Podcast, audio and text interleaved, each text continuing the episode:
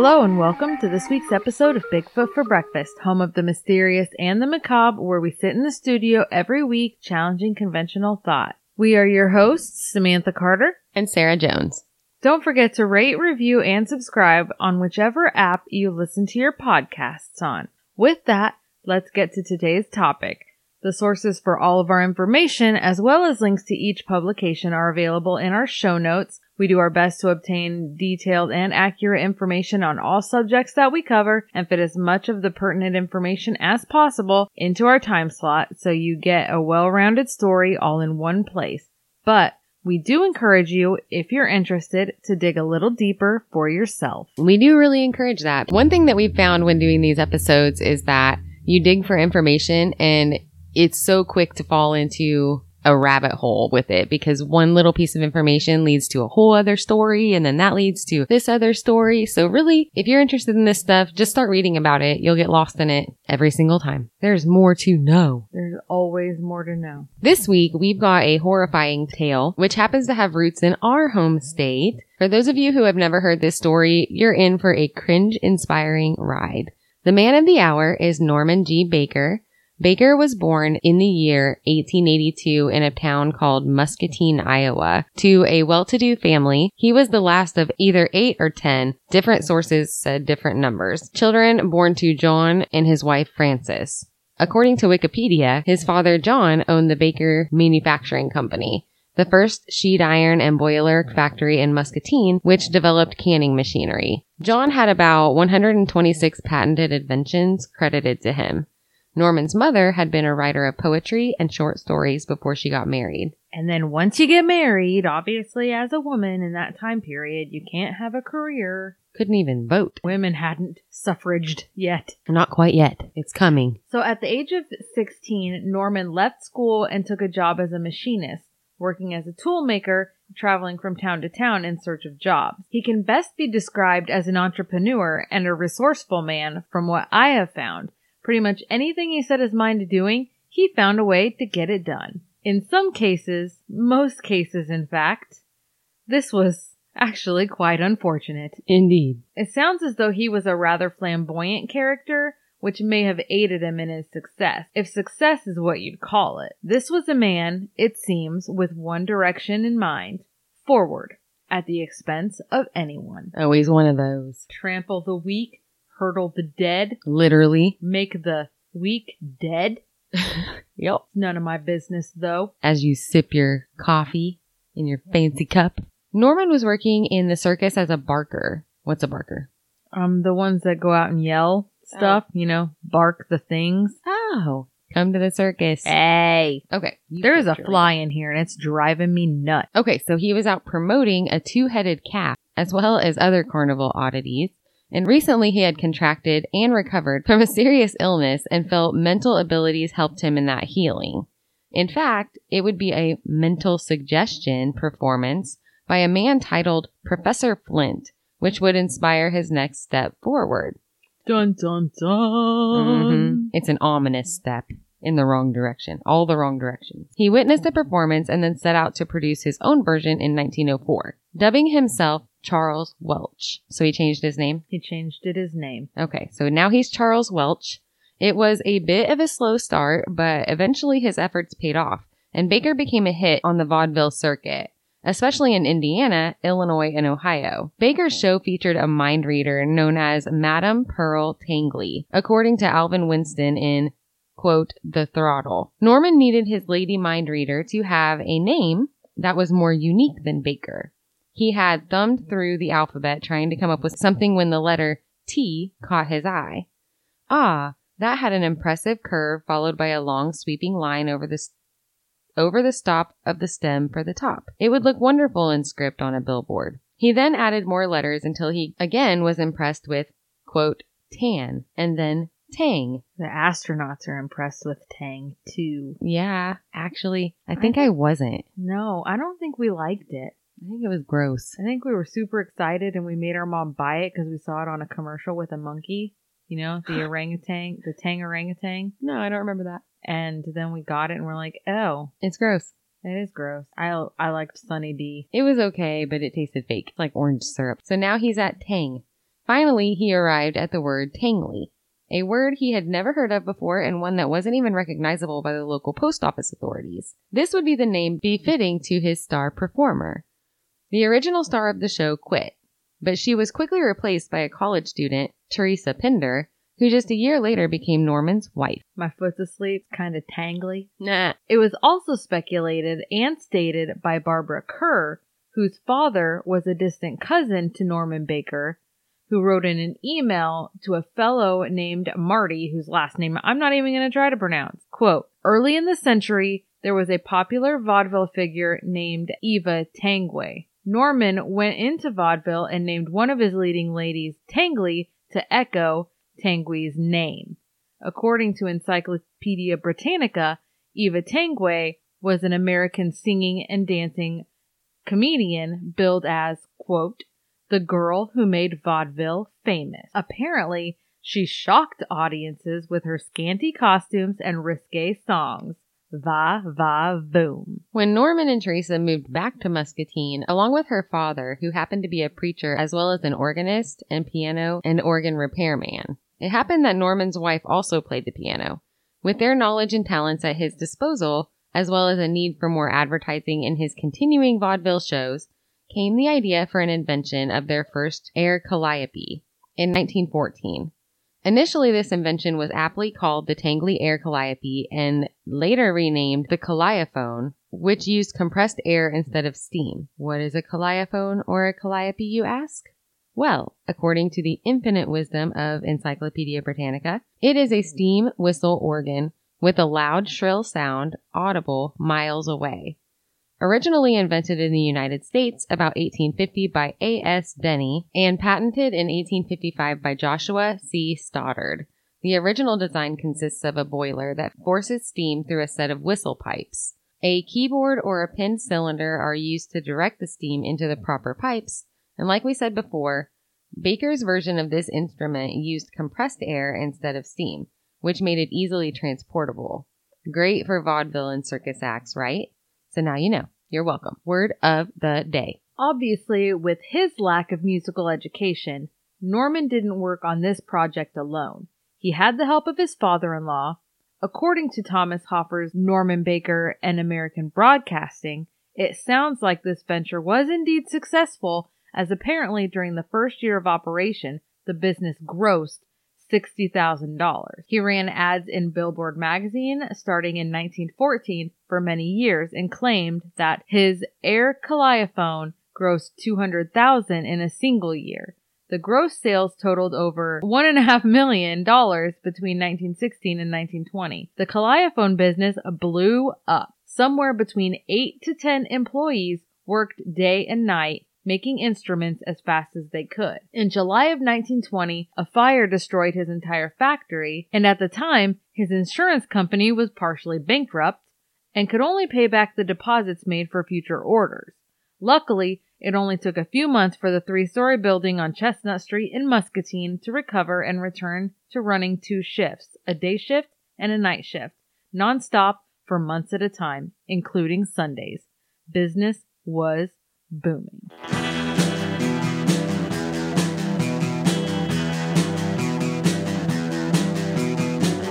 You're listening to the Prescribed Films Podcast Network, home to hundreds of hours of free podcast entertainment. The shows on this network all have a common goal providing you with the best discussions about movies and other forms of entertainment media. The PFPN hopes to fill your earholes with audio joy. Visit our website with links to all the other amazing shows at www.thepfpn.com. Thanks for listening. So at this point, he's married, living with his dad. They're organists and pianists. father-in-law. father-in-law. And now they're making the calliophons themselves, correct? And they have a factory Yeah. where they're just putting them out left and right. Make him bank. All right. So I do feel like we need to backtrack a little bit to discuss the sudden but amicable divorce of Norman Baker and his wife and star performer Teresa. I was unable to find any specific reason for the split, or much detail about Teresa specifically. I can tell you that Norman never did remarry. Anyway, I just felt like that was important to throw in there. We can move on now, forward from 1920 to the good stuff or the bad stuff, however you want to look at it. So in 1924, Baker asked the town of Muscatine to allow him a radio station, boasting that he would make the town famous across the Midwest. Apparently, they bought what he was selling because the station with the call sign KTNT was operational was operational by November of 1925.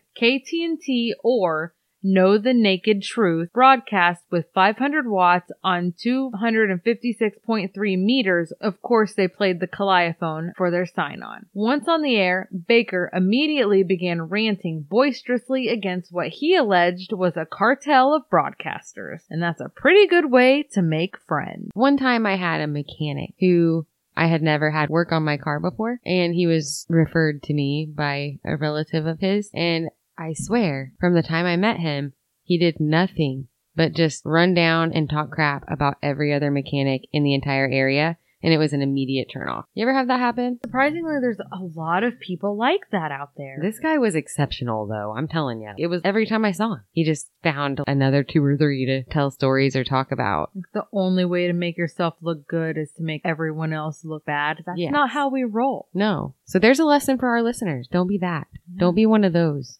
I want you right up here with me. Yeah. Right here at the top. We're at the top. Are we We're at the top. We're damn good. I'm glad you feel this is the top. Yes. That's a positive outlook. I'm always at the top.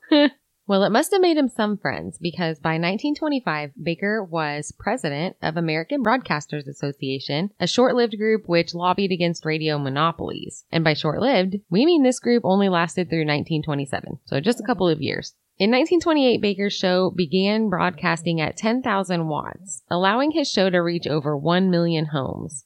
He gained a lot of notoriety through radio and became so popular that thousands of people would come to the station just to hear his broadcast. Not to mention that he had become quite wealthy from his multiple successful businesses by this time in his life. Quite a feat, if you ask me, especially given the Depression. After broadcasting on behalf of Herbert Hoover's 1928 presidential campaign, Hoover pressed a golden key from the White House to repay Baker for his support and ceremoniously initiated publication of Baker's newspaper, the Midwest Free Press. But still, it wasn't enough. Baker slipped a little off the deep end and started alienating himself from his listeners with character assassinations towards those that he considered to be his enemies. He would go so far as to accuse them of things like adultery and drunkenness on the air. Unfortunately for him, these tirades did more to damage his own reputation than those that he tried to smear. And on top of that, he also began broadcasting anti-Jewish, pro-Hitler comments mostly aimed at the medical establishment. Eventually, the local listeners began to distrust and turn against him. I don't understand why. Yeah, I can't imagine. He sounds so pleasant. In 1929, Baker heard through the grapevine about a Dr. Charles Ozias who had allegedly discovered a cure for cancer. Upon hearing of this, Norman offered to pay for five volunteers with cancer to be sent to Dr. Ozias for this treatment study, the findings of which were to be published in the December issue of Baker's tabloid magazine, TNT or The Naked Truth. Indeed, he delivered. At the end of 1929, a sensational story touting an unconventional cancer treatment was indeed published. In November of 1929, however, the first of the five volunteer patients to receive the treatments did die. In spite of this, his December issue of TNT was still headlined with the title Cancer Cured, or something along those lines. Then in December, the second of the five volunteers succumbed to this treatment. The third died in January of 1930, and the fourth volunteer died that February. Still, the paper reprinted the December article, which heroically praised the cure by advertising the miraculous recovery of all five volunteer patients. In May, the last of the five miraculously recovered volunteers died. Inspired by the work of Dr. Ozias, Baker opened his own cancer hospital in Muscatine, Iowa, which he staffed with chiropractors, naturopaths, and diploma mill MDs. Bust out the lavender oil, Karen. We're going to cure the world right there at the Baker Institute for the Treatment of Cancer Sufferers. But obviously, he already knew this didn't work, right? He was convinced that using aluminum based products, utensils, and other products caused cancer, and operations, radium, or x ray could not cure it. He disrespected surgeons, calling them cutters. Well, that's pretty fair. Like nurses are just doctor assistants and paramedics and EMTs are just ambulance drivers. I don't see the issue. Ha ha ha. That was a joke. Don't yell at us. Anyway, he got his grubby rich hands on the Dr. Ozias cure in January of 1930. The formula was touted as a miracle injection that cured cancer. He shoved this snake oil down the throats of the public and brought desperate patients flocking to him. Actually, he left the snake in the essential oils at home. His cure was actually made from a much more common substance like corn silk, watermelon seeds, clover, tea, alcohol, water, and oh, carbolic acid, which if you aren't aware is pretty gosh darn poisonous if you touch or swallow it, but no big deal. Also, he charged an arm and a leg for these injections. You don't need your arm or your leg because you're going to die. Yep. He used his radio show to promote the hospital, and despite already claiming to have a cure for cancer, he employed Harry Hoxsey, a charlatan with his own alleged cure for cancer. And in the year 1930 alone, the Baker Institute had raked in earnings of over $440,000, all at the expense of cancer patients desperate for the cure. At this point, though, the American Medical Association had the Institute and Baker in their sight and aggressively sought to expose him for the fraud that he was. Good looking out, bruh.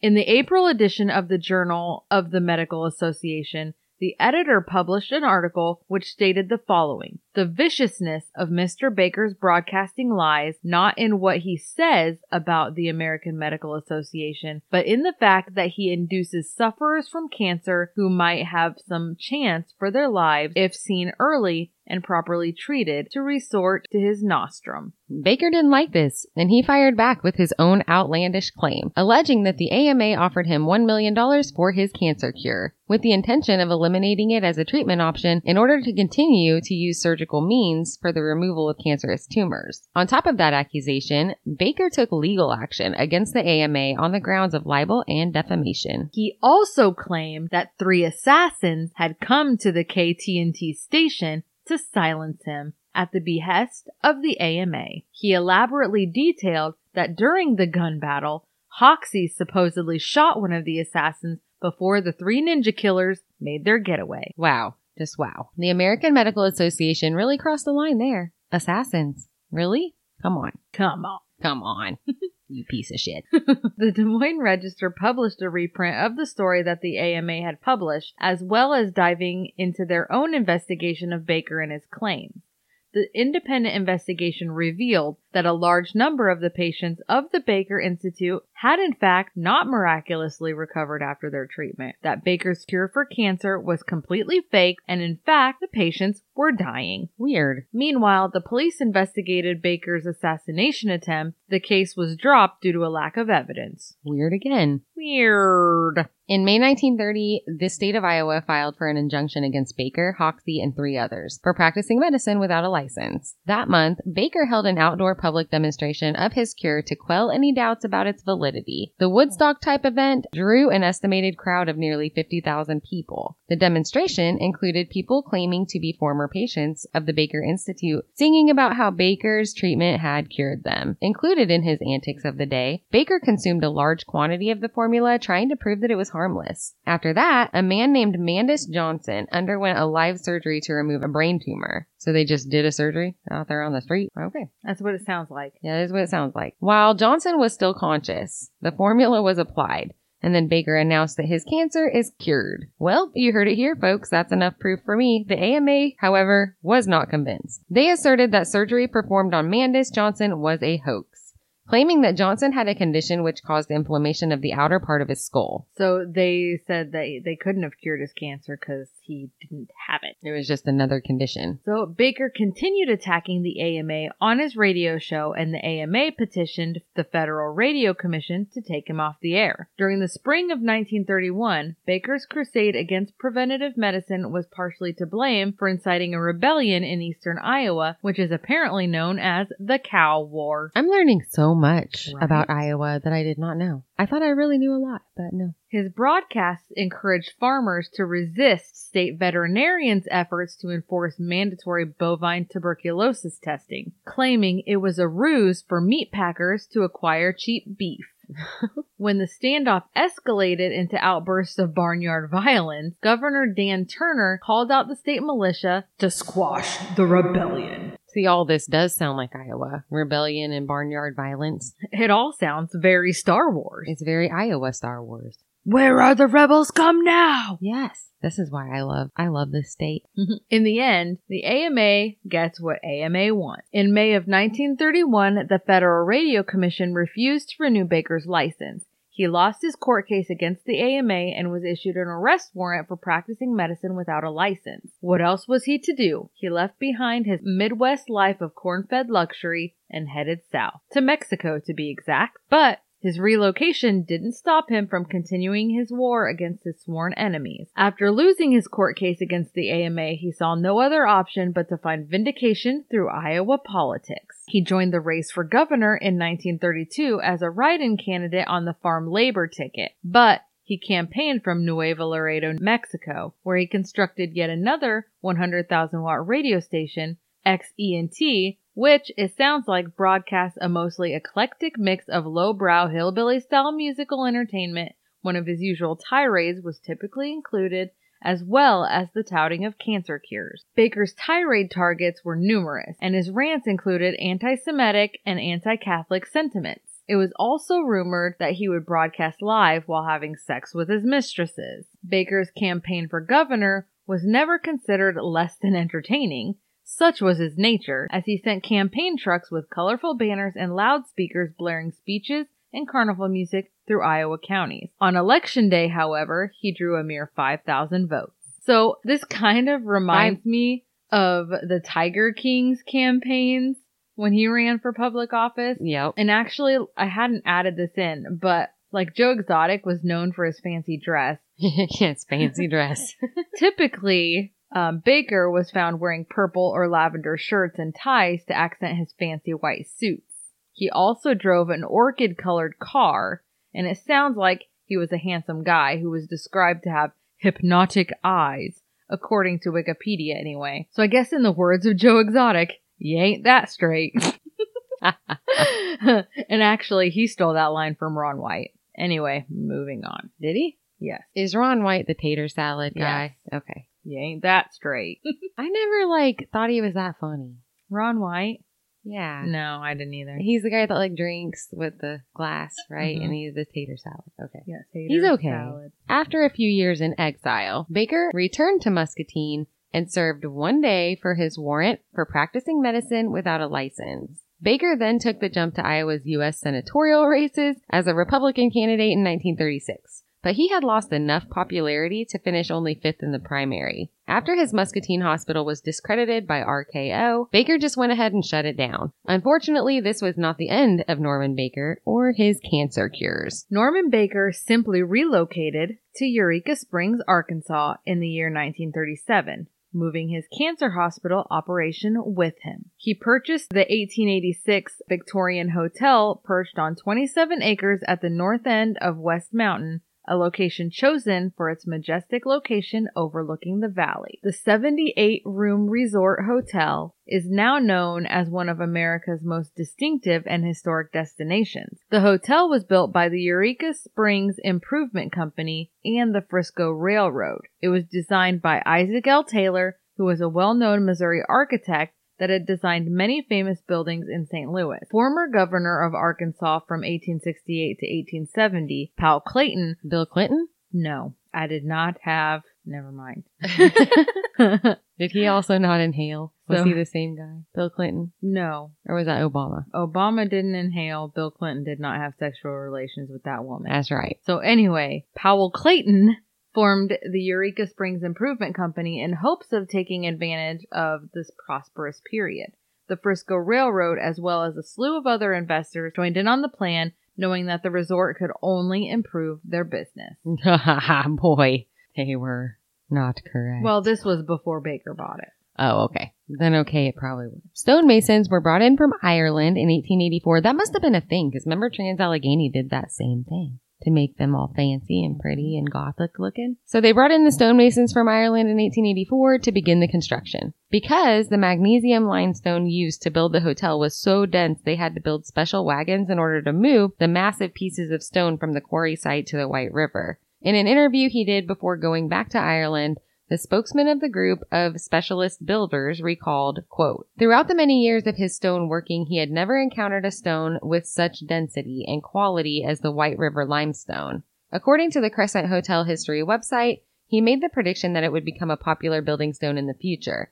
He also said that because of its unique characteristics, as they had built 18 inch thick walls, which were fitted without the use of mortar, this building would withstand the destructive forces of time and retain its original beauty for many years to come. The building also features a number of towers, overhanging balconies, as well as a massive stone fireplace in the lobby. 18 inch thick walls. Yep. No mortar. That's crazy. Because it's so heavy, it just sits, right? The construction of this grand structure continued for two years. They brought more and more workmen, adding electrical lights, modern plumbing, steam heating, an elevator, extensive landscaping, large airy rooms with exquisite furnishings, a dining room that once seated more than 500 people, a swimming pool, tennis courts, and croquet, a beautiful landscape of flower gardens, winding boardwalks and gazebos, luxurious decorations and amenities to the extravagant hotel. All said and done, the total monetary investment to build this hotel was around 294,000,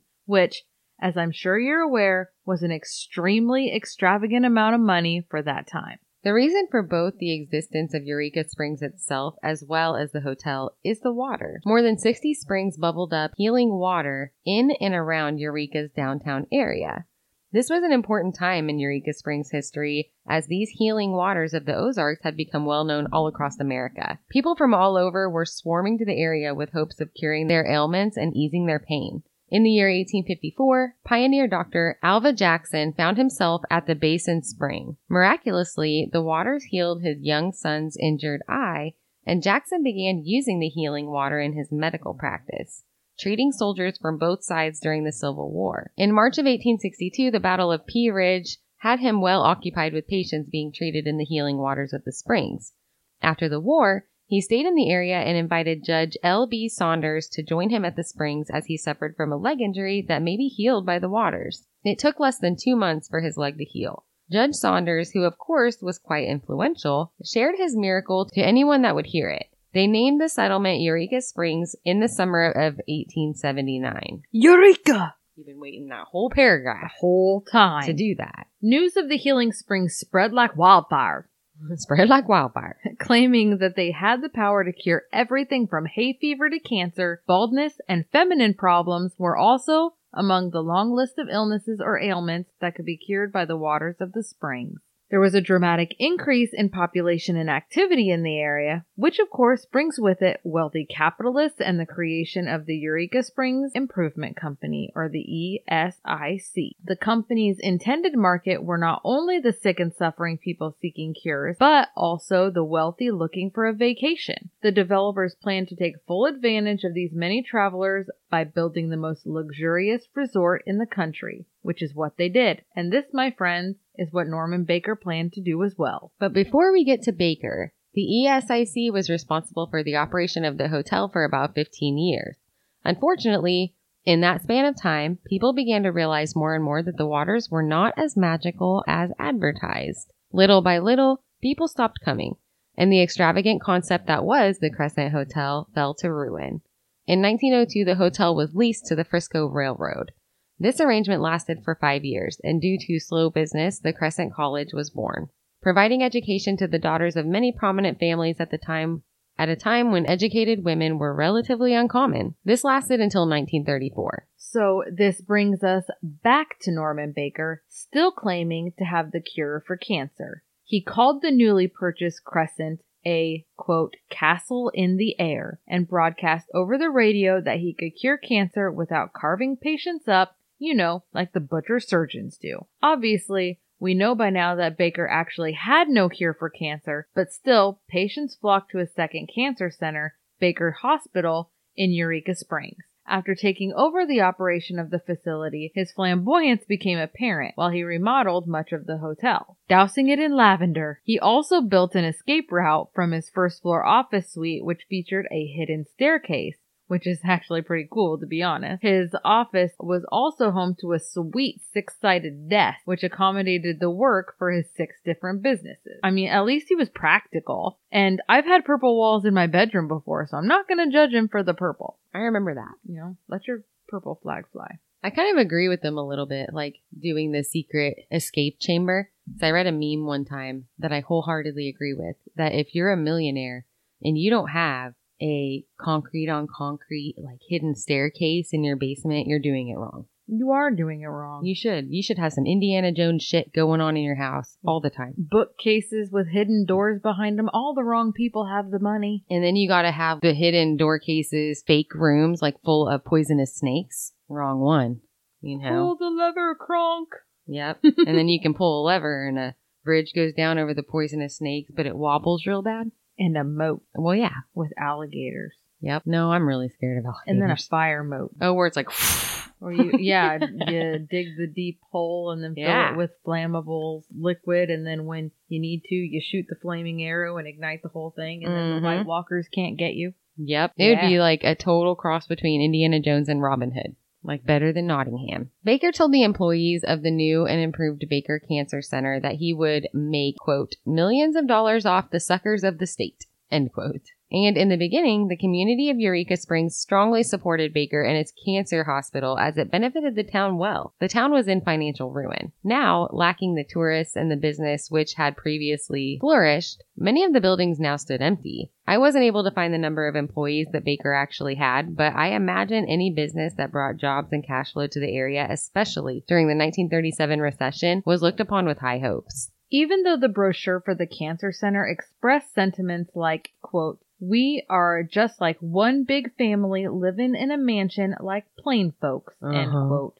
Fake Dr. Baker did not make good on such promises, unless there are other families that keep a secret morgue in the basement. I mean, I'm sure it happened. Hmm, I think probably more than we like to know. The hospital staff would transport the deceased patients in the middle of the night from their rooms to the morgue to keep the other patients from seeing them, which is, as you know, just being courteous, right? Somehow he managed to keep this charade going for two years. Not only that, but he made a ton of money doing it. The hospital raked in an estimated half a million in one year alone.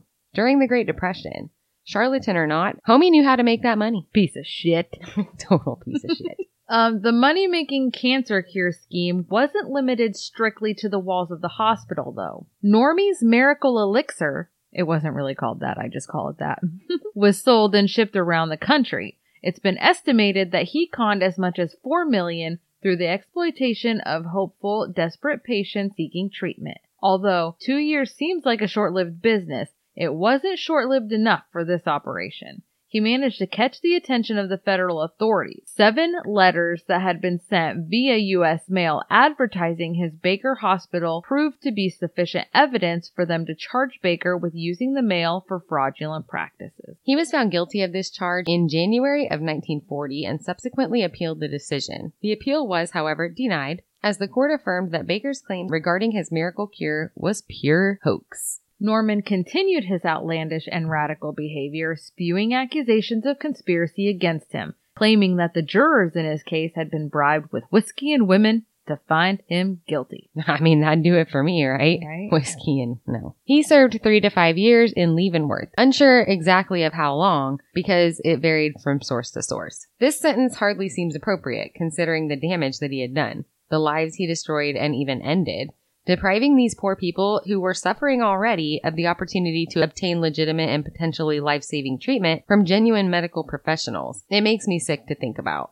The only thing of all his crimes that they managed to charge him with was mail fraud. And if that's not bad enough, after his release, I can't believe I'm actually about to say this. The nerve of this guy. He actually tried to reopen the Baker Institute in Muscatine, Iowa in 1946, but was unsuccessful. Norman then moved to Florida, where he remained the rest of his days living on a large yacht. Seems so unfair. Right? He died on September 10th of 1958 of cirrhosis. He's buried in Greenwood Cemetery in Muscatine, Iowa, beside his sister. So, yes, this story was mostly about Norman Baker, but it definitely doesn't end with his death. Long after the conclusion of his two year stint in Eureka, Arkansas, the Crescent Hotel still stands, a permanent monument to the horrific practices of Dr. Dr. Norman Baker, and the stories of the legacy he left behind are haunting.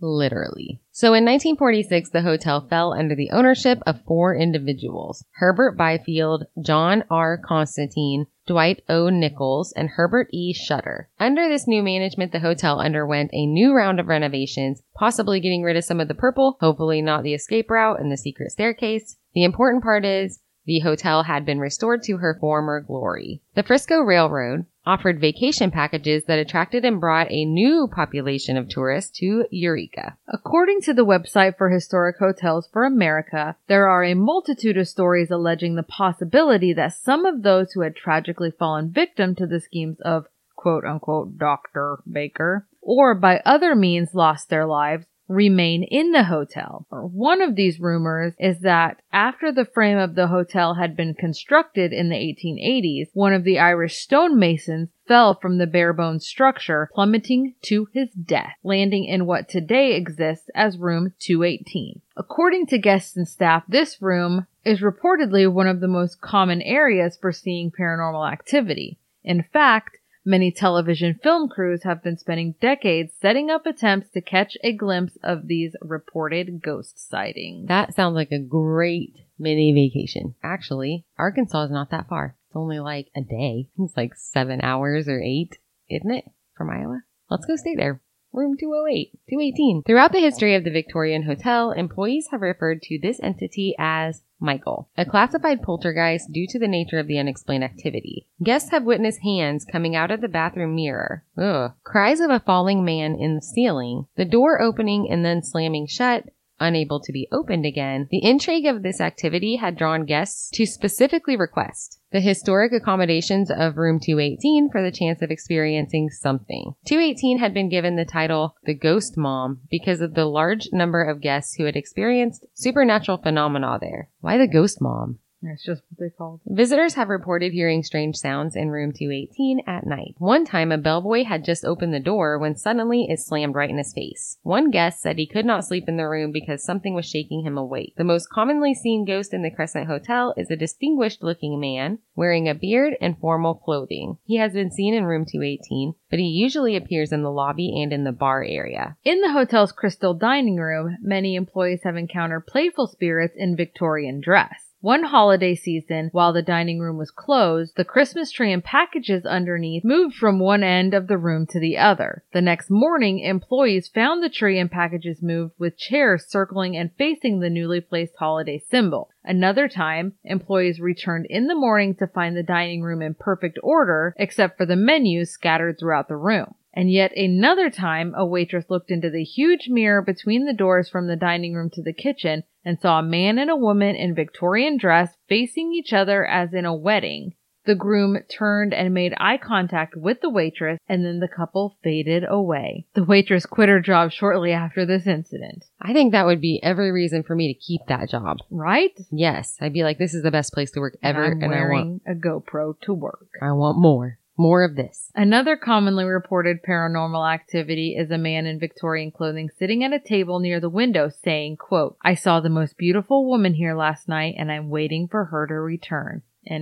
Many have recounted seeing apparitions in Victorian ball attire dancing around the room during the wee hours of the morning while the room was closed and dark. Animalian.com shares some more tragic death and haunting stories, including this creepy little nugget from the period in which the hotel was a school for girls, in which a student fell in love with a local boy who happened to belong to one of the lower class families in the area. Being from what they considered to be a higher class family, her father would not allow her to continue seeing him. The girl was apparently very unhappy with her father's rules against dating this boy because she reportedly threw herself from the highest balcony of the building. The incident was kept quiet, and despite the high cost, enrollments continued. This article also specified that there is a significant amount of reported ghostly activity in room 414. One 414 story described, quote, a family was watching television when a shapeless thing walked through the outside door, crossed the room, and entered the bathroom. Frantically, they called down to the desk complaining that their room was haunted. They were promptly given a room in another local hotel. Why would you leave? I know if I saw that, I'd be so, I mean, I'd be scared, but I'd be like, yes,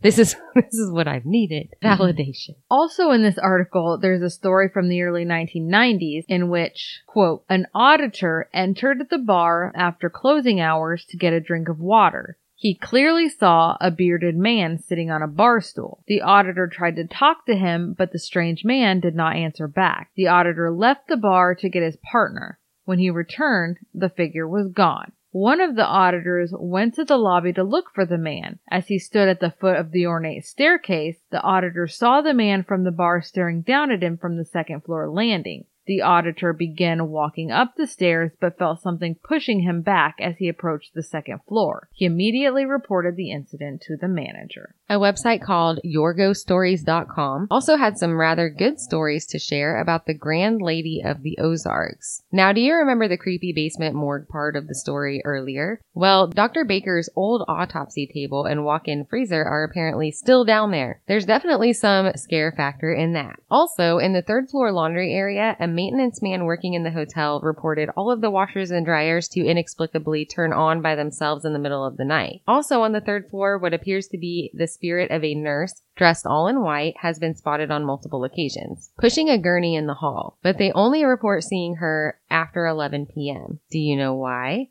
Because they used to move the deceased patients out of the cancer hospital in the dead of night to keep them out of sight of the other patients, remember? The nurse supposedly vanishes when she searches when she reaches the end of the hallway. There are some people who state that they have never actually seen the nurse apparition, but they have reported hearing the sounds of squeaks and rattles, like a gurney rolling down the hallway. The ghost of Norman Baker has also been seen in the basement and the first floor stairway, wearing his signature purple shirt and white linen suit looking somewhat confused. The spirit has been claimed to look identical to the old photographs of the infamous doctor. Theodora is the name of an infamous spirit that has been seen often by housekeepers in room 419. She courteously introduces herself as a cancer patient and then she disappears. The author of the submission to yourghoststories.com, just another Tory, described her own experience while visiting the hotel. Quote, on our way up the stairs between the third and fourth floor, all three of us got the feeling of vertigo and my husband started feeling sick. He said it was like an inner ear infection or something.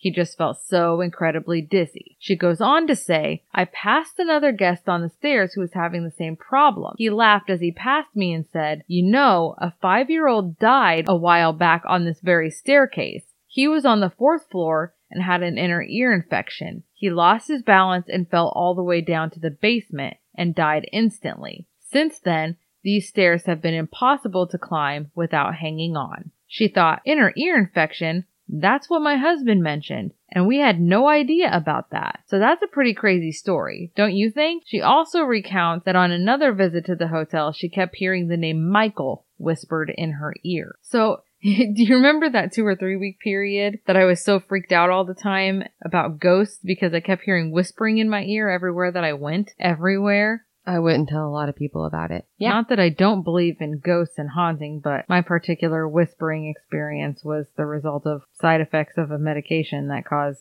auditory hallucinations. Medication called, I don't remember what it was called. Topamax. Topamax. Apparently that's a thing. Apparently. She wasn't schizophrenic after all. That was good times. Still not 100% convinced, but it is pretty convenient that the voices stop when I stop taking the medication. Yeah. The CrescentHotel.com has a blog including entries such as Haunting Ghost Experience Reveal, where stories have been shared and published about the sightings of the wayward spirits of the hotel. On this blog, a quote from the director of the hotel's ghost tour, Keith Scales, states this quote, From smelling mysterious pipe tobacco to seeing an orb entering a boy's skull, our ghost tour guides are exposed nightly to the hotel's guests who check out but never leave. He goes on to say, with that said, each has not only a unique nom de guide, but a special supernatural experience of their own to tell. It is their reason for being a tour guide in this world famous haunted hotel. The guide, lovingly referred to as Aunt Reba, described experiencing the smell of cherry pipe tobacco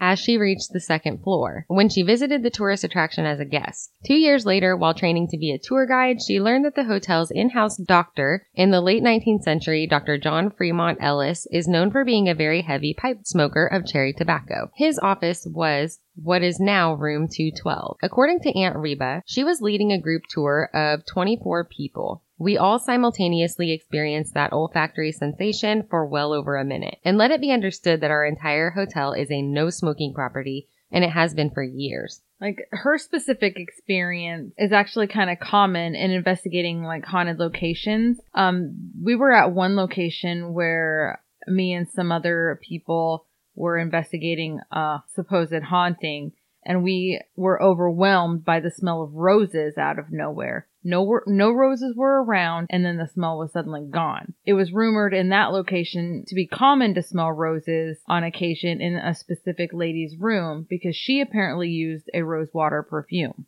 So that was kind of cool. I don't know if this is really applicable. I live in my grandmother and grandfather's old house, and we've lived here since what, 2016? And our grandfather passed away in 2013. And once in a while, I'll still be walking around my house, and it really doesn't smell like them anymore since we've been living here. But once in a while, I'll be walking around my house, and all of a sudden, I'll get a whiff, and it smells like my grandpa Gary. But it's just here and there. And sometimes you can you randomly smell his cigars. Yeah, yep, his cigars. Like he always smoked those vanilla Swisher sweets. And we not only find the butts to them still once in a while out in the yard, but we can, you can smell them. It's weird. And you wouldn't think it would linger for that long. So it makes you kind of wonder what that is. So the blog continues sharing the experience of another guide known as Duchess Deborah, who not only offers fabulous tours of the hotel, but performs in a two person paranormal play titled Not Really a Door at the hotel on Friday and Saturday night. One night, she was on stage with her co-star during a performance, and at that time, they shout, Ghost! in unison.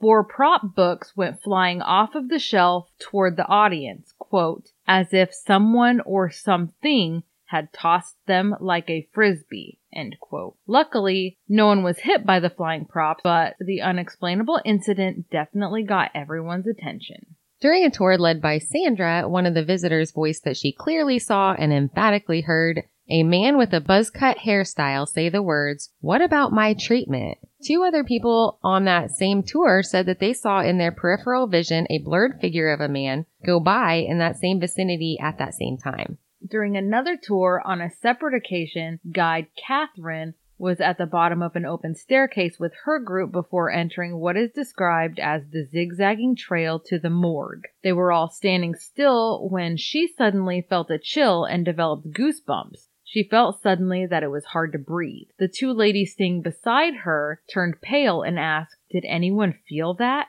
It's the little girl. She's here. I can feel her. So the story with the little girl is that allegedly she fell to her death from the fourth floor railing sometime during the early years of the hotel, and the exact spot where the tour group was standing is where she landed. What adds a little more creep factor to this story is that one of the other people on the tour, a man, shouted, Oh my, look at this photo. And he passed his camera around to everyone to show them the photo that he snapped right before the chilling experience. And everyone could see plain as day a foggy mist in the shape of a little girl standing right next to the three women. According to the blog, though, the photographer did not submit his image to the hotel's paranormal website, americasmosthauntedhotel.com. So, it's not available for viewing, which kinda blows.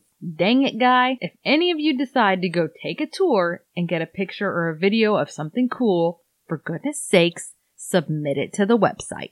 On And a- tag us on Facebook. Uh, yeah, tag us. That'd be awesome. On a tour with Major Tom, Major Tom. Ground control to Major Tom. Sorry, don't reverb that. A man and his wife had differing attitudes about the paranormal. She believed, he did not, and made that pretty clear by giving off negative body language throughout the visit. At the conclusion of the tour, they turned off the lights in the morgue standing in the darkness next to the autopsy table and the walk-in cadavers cooler. The guests are encouraged to take digital photos to see if they can catch an orb, which, in case you aren't familiar with the term, is what is considered to be the energy essence of a ghost, which appears as a ball of light or mist in a photo. Now, we have our own theory on orbs, but that's neither here nor there. Anyway, tour guide Major Tom's back was turned away from the group when a scream of terror permeated the silence and the skeptical husband went running out of the morgue. They flipped the lights back on and brought him back into the room. He appeared quite pale and to quote the blog, he meekly confessed that he had seen an orb with his naked eye as it flew between his face and the camera. Long story short, he saw an orb.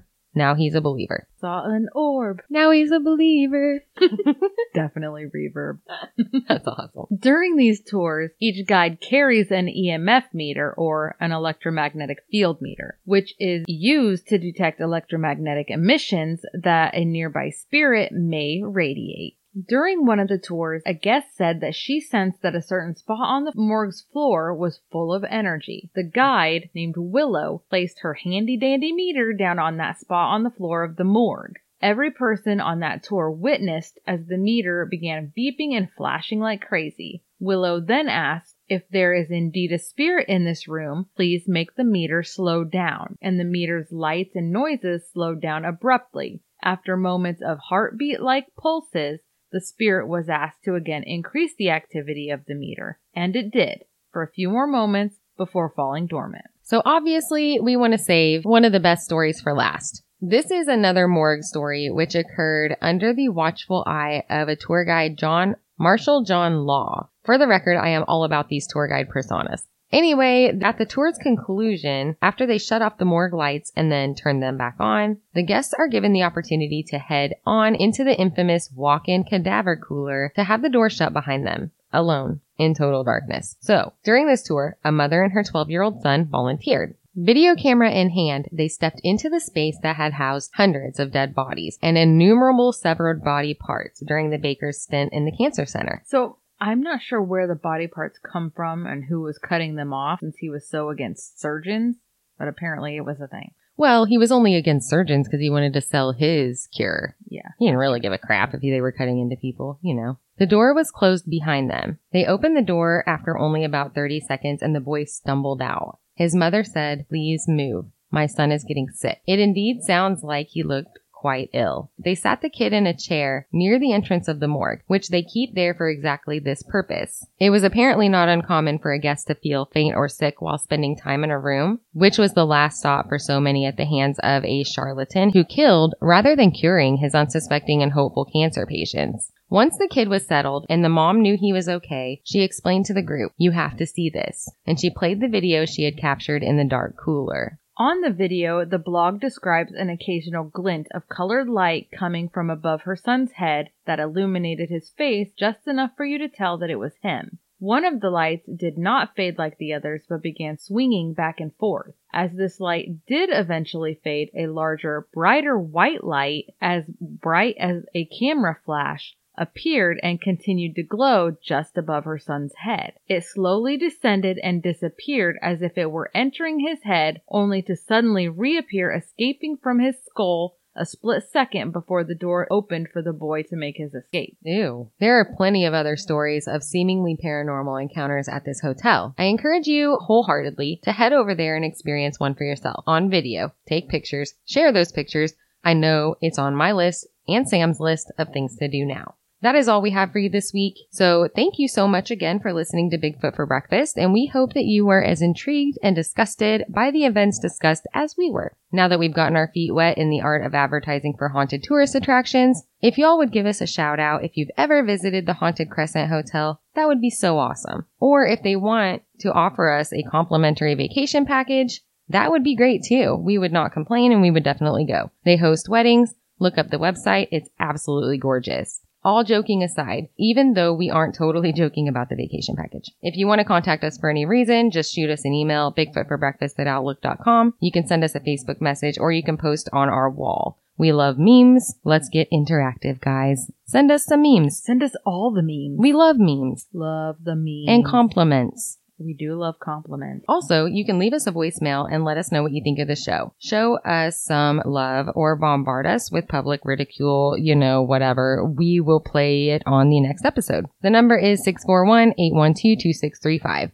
Thank you so much for listening and we will see you next week. Call me maybe. You just got Jepsoned.